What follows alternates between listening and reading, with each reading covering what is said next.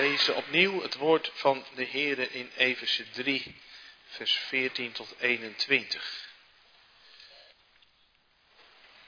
Waar de apostel Paulus schrijft, waar we het woord van de Heere ontvangen, om deze reden buig ik mijn knieën voor de Vader van onze Heer Jezus Christus, naar wie elk geslacht in de hemelen en op de aarde genoemd wordt, opdat Hij u geeft de rijkdom van Zijn heerlijkheid, met kracht gesterkt te worden door Zijn geest in de innerlijke mens, opdat Christus door het geloof in uw harten woont en u in de liefde geworteld en gefundeerd bent opdat u ten volle zou kunnen begrijpen met alle heiligen wat de breedte en lengte en diepte en hoogte is. En u de liefde van Christus zou kennen die de kennis te boven gaat, opdat u vervuld zou worden tot heel de volheid van God. Hem nu die bij machten is te doen, ver boven alles wat wij bidden of denken, overeenkomstig de kracht die in ons werkzaam is. Hem zij de heerlijkheid in de gemeente door Christus Jezus in alle geslachten tot in alle eeuwigheid. Amen. Dat is het woord van de Heere voor deze dienst van nabetrachting. De kerntekst voor de prediking vormen de versen 16 en 17, even 3, vers 16 en 17 waar het woord van de Heere klinkt, opdat Hij u geeft de rijkdom van Zijn heerlijkheid, met kracht gesterkt te worden door Zijn geest in de innerlijke mens, opdat Christus door het geloof in uw hart woont en u in de liefde geworteld en gefundeerd bent.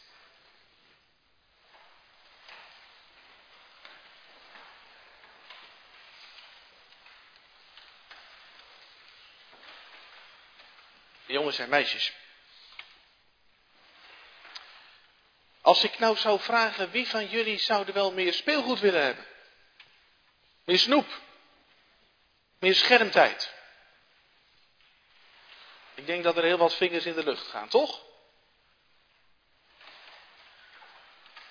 En als ik nou aan u zou vragen, wie van u zou er meer loon willen? Wie zou er wel opslag willen van de baas? Oh ja, daar zeg ik geen nee tegen, zegt u dan vast.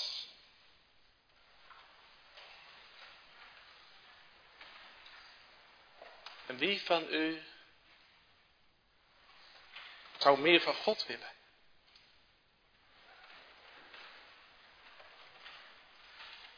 Dat is kenmerkend voor een levend geloof. Paulus bidt in Efes 3 om verdieping in het geloof, om meer van God. We hebben er vanmorgen al naar gekeken met elkaar. Maar voor als u er niet was, eventjes een stukje herhaling om wat grip te krijgen op dit gedeelte wat weer zo'n lange Pauluszin is. Paulus bidt om verdieping in het geloof en vier keer vind je het woordje opdat. Paulus bidt opdat God geeft met kracht gesterkt te worden. Versterking door de geest, vers 16.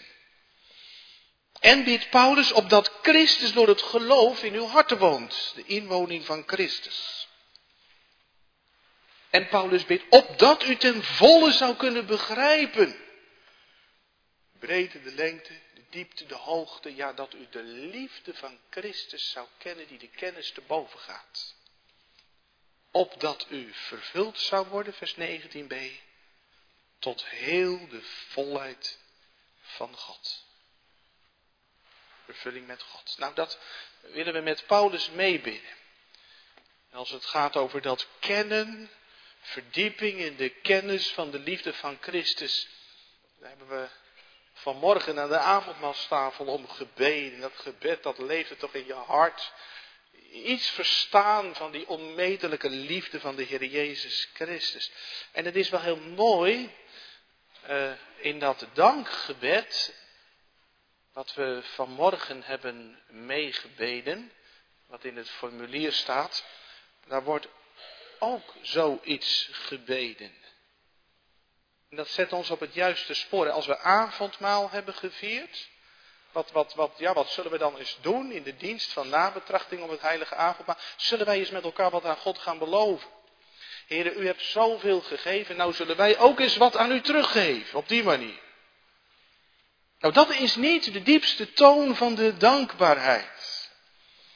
Maar wat bidden wij met het formulier getrouwe God en Vader? Maak door de werking van uw Heilige Geest de gedachtenis van onze Heer Jezus Christus en de verkondiging van zijn dood vruchtbaar, opdat wij dagelijks groeien in het ware geloof en in de zalige gemeenschap met Christus.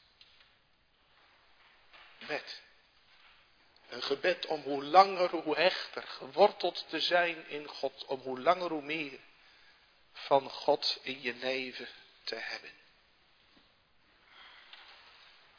Moet mij dat ik groei naar u. Dat is het thema voor de preek.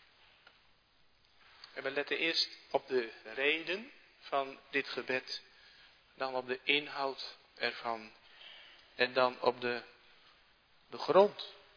De grond voor de verwachting waarmee Paulus bidt. Voed mij dat ik groei naar u de reden, de inhoud en de grond van dit gebed.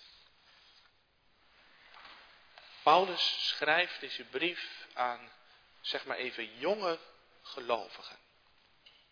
Ik heb dat vanmorgen ook heel even aangestipt. Paulus heeft ongeveer drie jaar in Eversen gewerkt. Er is een gemeente ontstaan. En vijf jaar nadat hij vertrokken is uit Eversen, vermoedelijk, schrijft hij dan deze brief. Dus aan een gemeente die zeg maar een jaar of acht bestaat. En de leden van de gemeente, de gelovigen, de christenen daar, die hebben een heidense achtergrond. Er zijn natuurlijk in de vroeg-christelijke kerk ook gelovigen uit de Joden geweest. En je zou kunnen zeggen, ja, die hadden al een eeuwenlange geschiedenis. Met de God van Israël. Die, die kenden al de beloften en de geboden van de Here. Maar in Eversen, die mensen die daar woonden, de levende God, de God van Israël, die had 0,0 betekenis in hun leven. Waar waren ze druk mee? Nou, dat hebben we al verschillende keren gezien. Focussen op winstmarsjes in de haven, op de markt van Eversen. En je hart ophalen aan brood en spelen in stadion, in theater. En alle remmen los in mei als het Artemis Festival was. En ze zullen vast wel vaker een feestje hebben gevierd in Eversen. En nu is er iets wonderlijks gebeurd. Het evangelie van Jezus Christus, de gekruisigde, heeft geklonken. En er zijn mensen van in de greep gekomen en die zijn overgezet uit de duisternis in het licht. Nou ja, een jong plantje, dat moet gaan wortels schieten. Gelovigen in even, ze zijn gered, maar je redding is niet je eindpunt. Alles wat leeft groeit. Plantje wat niet meer groeit, dat is, dat is echt dood. Als je geestelijk leven hebt, verlang je naar groei, verdieping, om al dichter naar de Heer Jezus Christus toe te groeien. Daar verlangt u toch ook naar. Je het heilige avondmaal hebt gevierd, verlangen om dichter naar Christus toe te groeien. Nog een reden voor dit gebed. Het is een gebed op een scharnierpunt in de brief. We hebben al eerder even gezien hoe die brief wat in elkaar zit, de grote lijn. En er zit een soort knik, zeg maar, tussen hoofdstuk 3 en hoofdstuk 4. Misschien kunt u zich nog herinneren die drie werkwoorden waarmee Watchman Nee, de Chinese kerkleider, de brief samenvatte. Zitten, wandelen en stand houden. Zitten, om eruit te leren leven wat, wat het betekent om het eigendom te zijn van de Heer Jezus Christus. Want het christenleven begint niet met doen en elkaar opjagen om weet ik wat allemaal te presteren in het koninkrijk van God, maar zitten aan de voeten van Jezus en leren leven van zijn genade. Zitten, wandelen dat is dan vanaf hoofdstuk 4, daar gaat het over ons leven in de wereld. En stand houden, onze houding tegenover de vijand. Aan het eind in hoofdstuk 6 over de geestelijke wapenrusting. Maar dan, dan merk je dus, hè, eh, hoofdstuk 1 tot 3, daar zingt Paulus als het ware steeds over het werk van de Vader, van de Zoon en van de Heilige Geest. En je vindt in dat deel geen opdrachten. En dan komen hoofdstuk 4 tot 6. En dan gaat het over de praktijk van het leven. En dan vind je ineens wel 35 aansporingen. Bewaar de eenheid. Leg de leugen af en spreek nuttige dingen. Loop niet te schreeuwen, maar wees vriendelijk tegenover elkaar.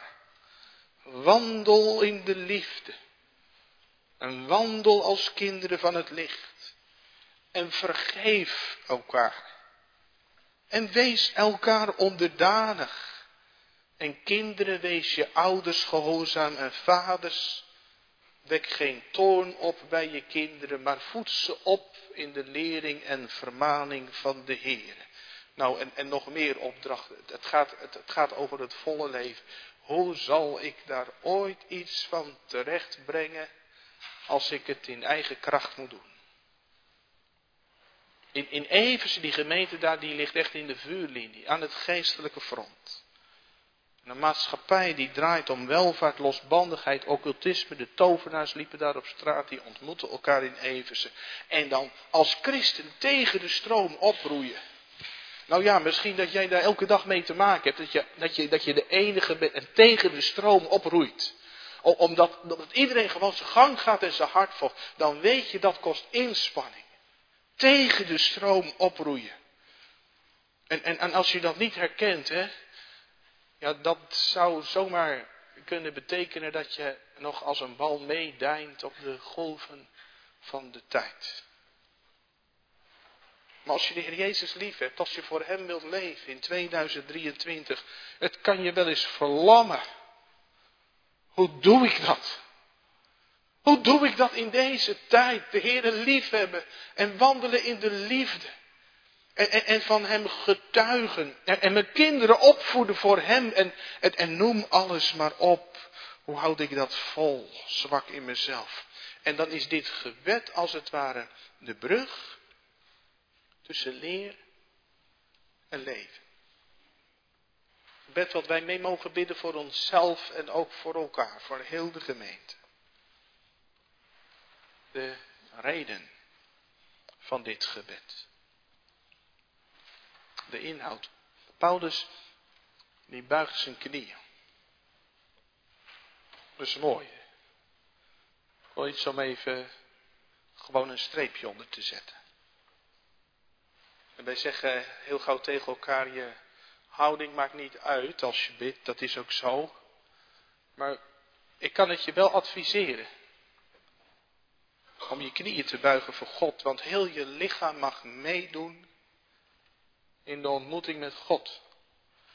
En het kan je zomaar helpen om de juiste toonhoogte te vinden in je gebed. Ik ben klein, maar God is groot.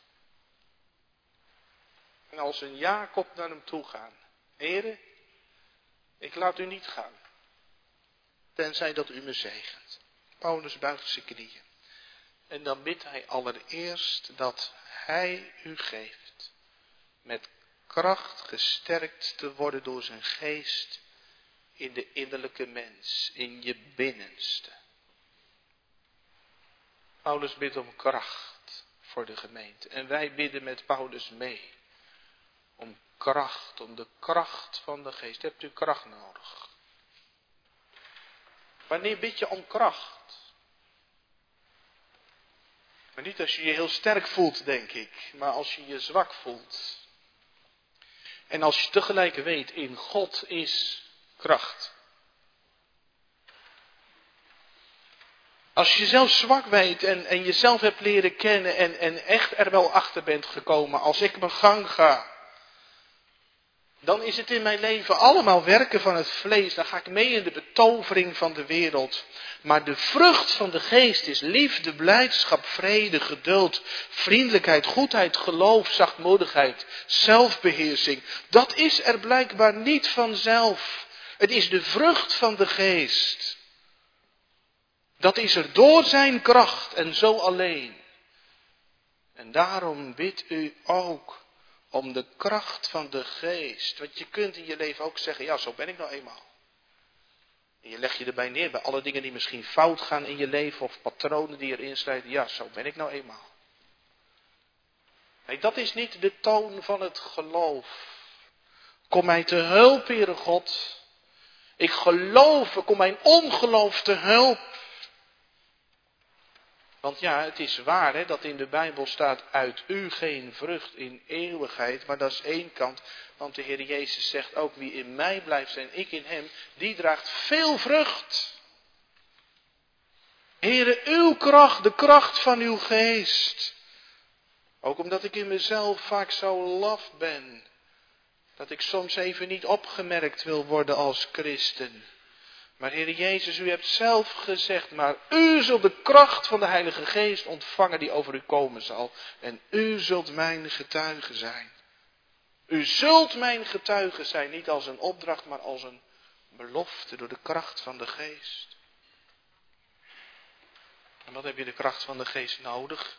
In de strijd tegen die driekoppige doodsvijand, die volgens de catechismus niet ophoudt ons aan te vallen. En ik denk dat de catechismus gelijk heeft, en misschien herkent u dat ook. De catechismus zegt zelfs dat wij niet één ogenblik staande kunnen blijven.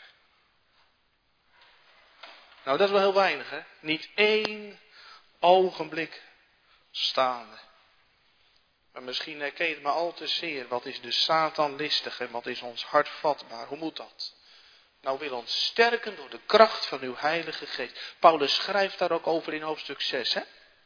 Wordt gesterkt in de Here en in de sterkte van zijn macht. Want alleen door zijn kracht blijf ik staande. Als Noach al onderuit ging. Noach die als enige de Heere nog diende. Er is geen ander gezin meer in de ark.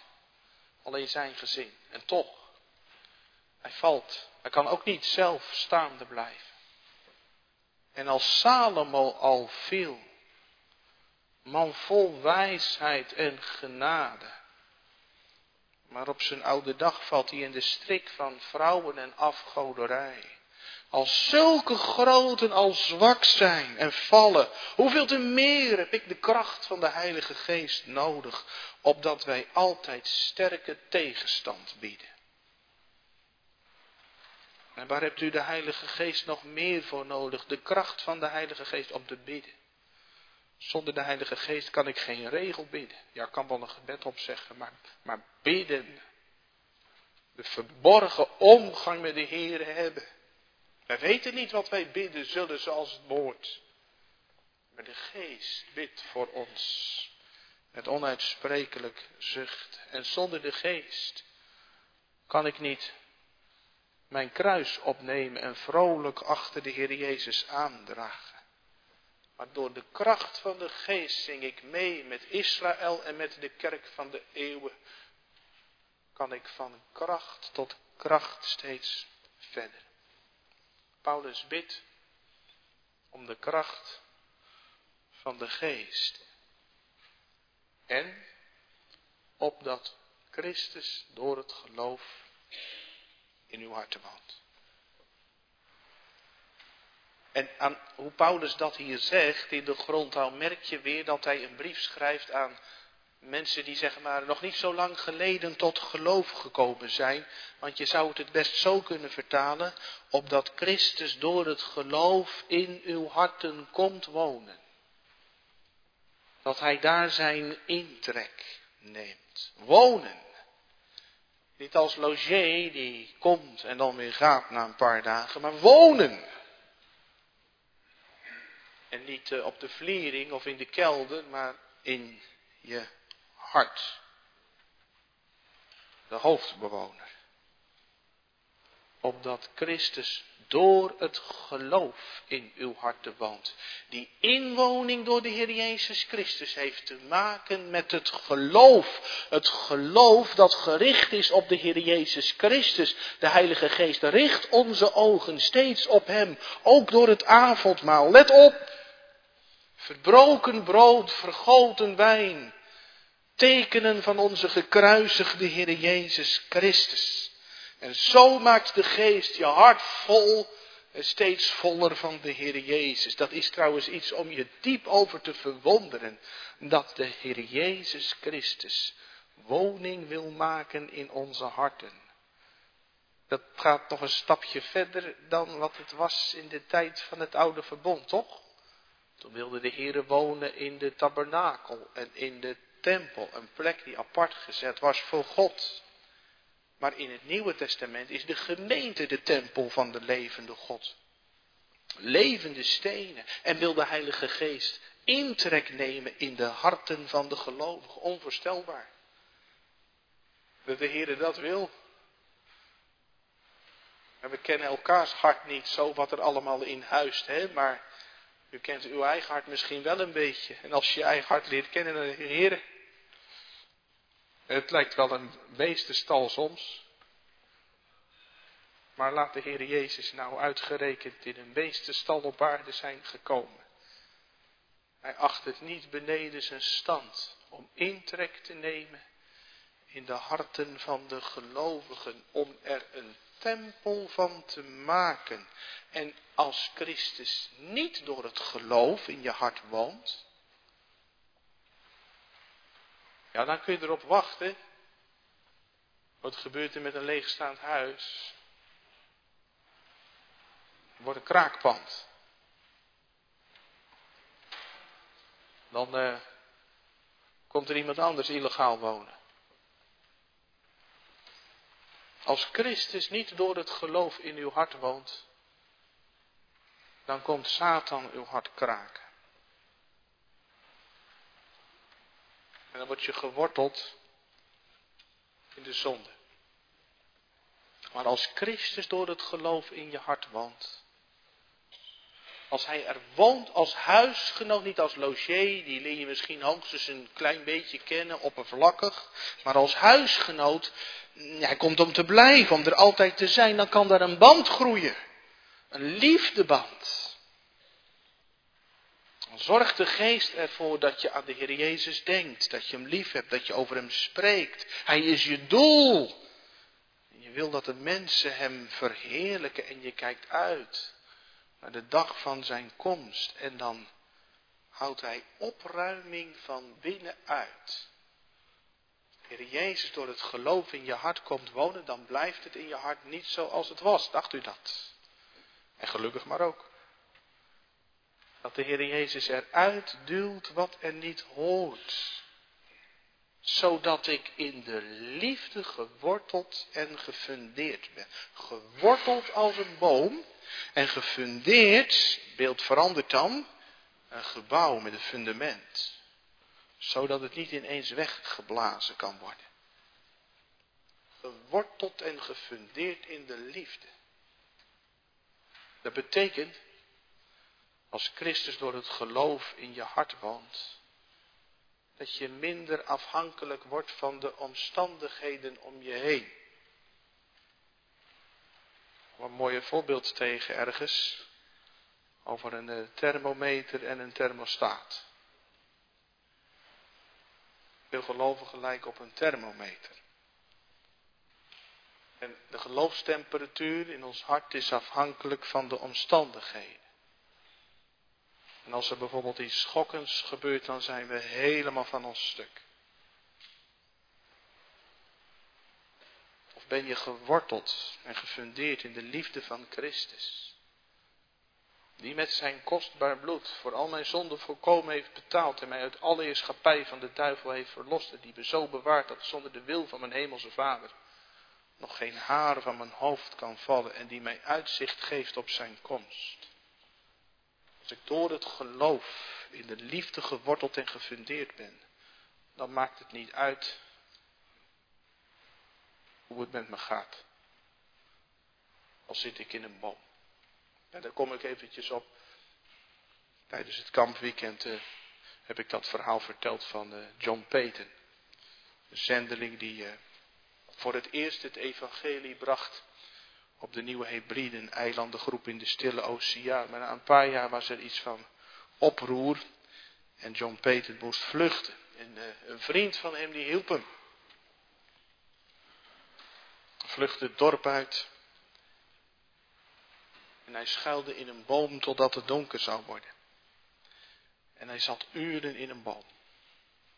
En hij hoorde niet al te ver bij hem vandaan het schieten van geweren. En het schreeuwen van halve wilden. Maar dan zegt die John Peyton, ik zat daar tussen de takken. Zo veilig, alsof ik in Jezus armen was. En zegt hij dan, als het tot ere van God is, dan zou ik het niet erg vinden om vele nachten daar alleen in die boom te zitten. Om opnieuw de aanwezigheid van mijn zaligmaker te voelen. Dat is iets van de, die psalm weet wel, in de grootste smarten blijven onze harten in de Heer gerust. Geworteld en gefundeerd in Hem. En dat gaat je omgeving ook echt merken. Dan ben je niet een thermometer en het schommelt afhankelijk van de omstandigheden, maar dan ben je een thermostaat. Je beïnvloedt het klimaat. Geworteld en gefundeerd in de liefde, als de verhoudingen ijzig koud zijn, breng je vriendelijkheid. Als er makkelijk geoordeeld wordt, breng jij mildheid, vergevingsgezindheid.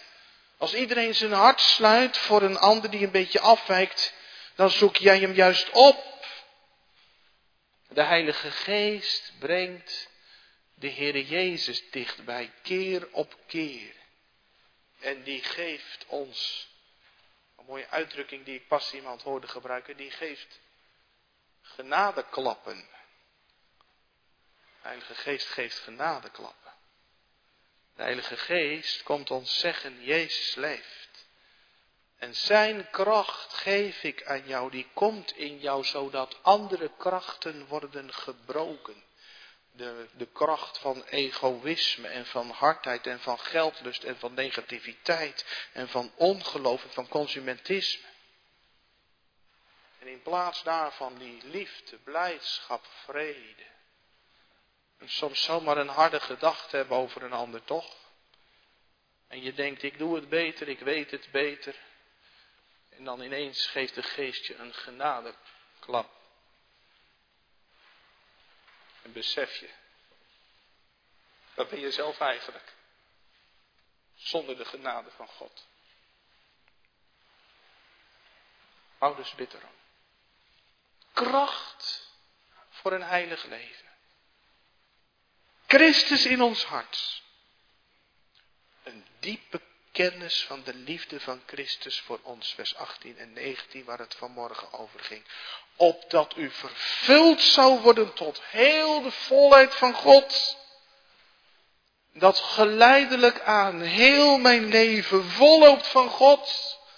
Zoals de discipelen op de eerste Pinksterdag vol werden van God door de Heilige Geest. Vol van liefde. Vol van geloof. Vol van kracht. Gemeente, als je dat gebed op je in laat werken, dan zou je haast kunnen zeggen, is dat niet wat veel wat Paulus vraagt van de Heer? Vraagt Paulus niet de hemel op aarde, zeg maar? Is dat wel realistisch? Waar ziet u dat staan? In die lofprijzing in vers 20. Hem nu die bij machten is te doen, ver boven alles wat wij bidden of denken. Dat is echt een zin om uh, uit je hoofd te leren. En om te gebruiken. Als je aan het eind van je gebed God weer lofprijst. Het is zo wonderlijk dat de Heere God doet wat wij bidden, toch? Dat is wonderlijk. Gebedsverhoring zeggen we dan. En het is eigenlijk misschien nog wel een beetje wonderlijker dat de Heere God ook wel eens doet wat wij niet vragen, maar alleen maar denken. Maar, zegt Paulus hier, God is bij macht om ook te doen boven wat wij bidden of denken. Ja? Ver boven. alles wat wij bidden of denken. In het leven van het geloof is het niet pootje baden tot, in de, tot aan je enkels. Maar leven uit de volheid van God. Paulus zei dat trouwens ook al in vers 16. Hè? Paulus bidt naar de rijkdom van Gods heerlijkheid. Als de collectezak rondgaat, dan draagt iedereen bij naar zijn vermogen. De armen een eh, kleine bijdrage en als je wat rijker bent, een forsere bijdrage. Nou, de Heere God schenkt ook naar zijn vermogen, naar de rijkdom van zijn heerlijkheid. Gemeente, dat betekent nooit kan het geloof te veel verwachten. Des heilands woorden zijn gewis. Het valt aardse vrienden vaak aan krachten, maar nooit een vriend als Jezus is. Leven uit die volheid, meer en meer naar Christus toegroeien, dat is tot eer van God. Daar rond Paulus mee af. Hem zij de heerlijkheid in de gemeente. Nou gemeente, hoe gaan we verder na deze avondmaalszondag?